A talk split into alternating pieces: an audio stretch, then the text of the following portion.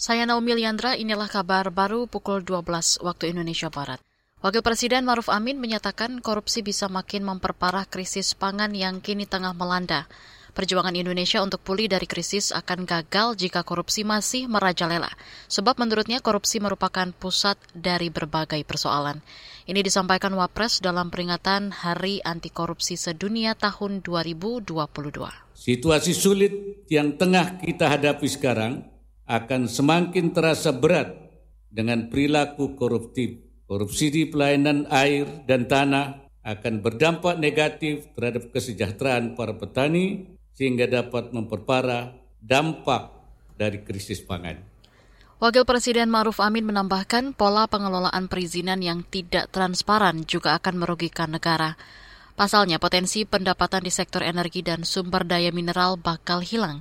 Wapres meminta agar sumber daya yang bernilai tinggi dikelola dan digunakan demi kepentingan rakyat, bukan malah untuk memperkaya individu atau korporasi. Kita ke soal lain. Pemerintah diminta mengubah pendekatan program deradikalisasi. Pemilihan kata radikal dalam program itu kerap ditolak narapidana terorisme atau napiter. Hal itu diungkapkan pendiri Yayasan Prasasti Perdamaian Nur Huda Ismail merespons insiden bom bunuh diri di Polsek Astana Anyar, Bandung. Pelaku bernama Agus Sujatno merupakan bekas napiter yang menolak mengikuti program deradikalisasi berdasarkan informasi Badan Nasional Penanggulangan Terorisme BNPT deradikalisasi itu dianggap sebagai dijihadisasi, menggeruskan semangat jihad. Mungkin kalau dikasih nama lain yang tidak cukup serem gitu, orang itu akan bisa engage. Makanya yang kita dorong membuka ruang buat non-tradisional partner. Kalau tradisionalnya isu ini itu kan menganggap isu ini isu keamanan, oleh karena itu yang menangani dari aparat keamanan, yaitu misalnya BNPT-nya atau Densus-nya.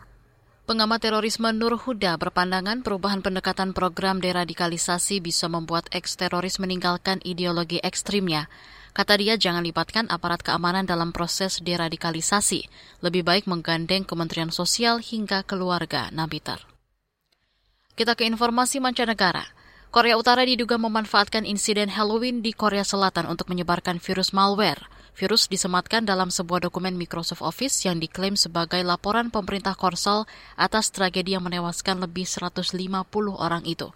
Tuduhan ini disampaikan kelompok analis kelompok analisis ancaman Google, sebagaimana dilansir dari Reuters. Malware didistribusikan kepada pengguna Internet Explorer di Korea Selatan. Google mengaitkan aktivitas tersebut dengan kelompok pertas Korea Utara yang dikenal sebagai APT 37. Mereka menargetkan pengguna Korea Selatan, pembelot Korea Utara, pembuat kebijakan, jurnalis, dan aktivis HAM.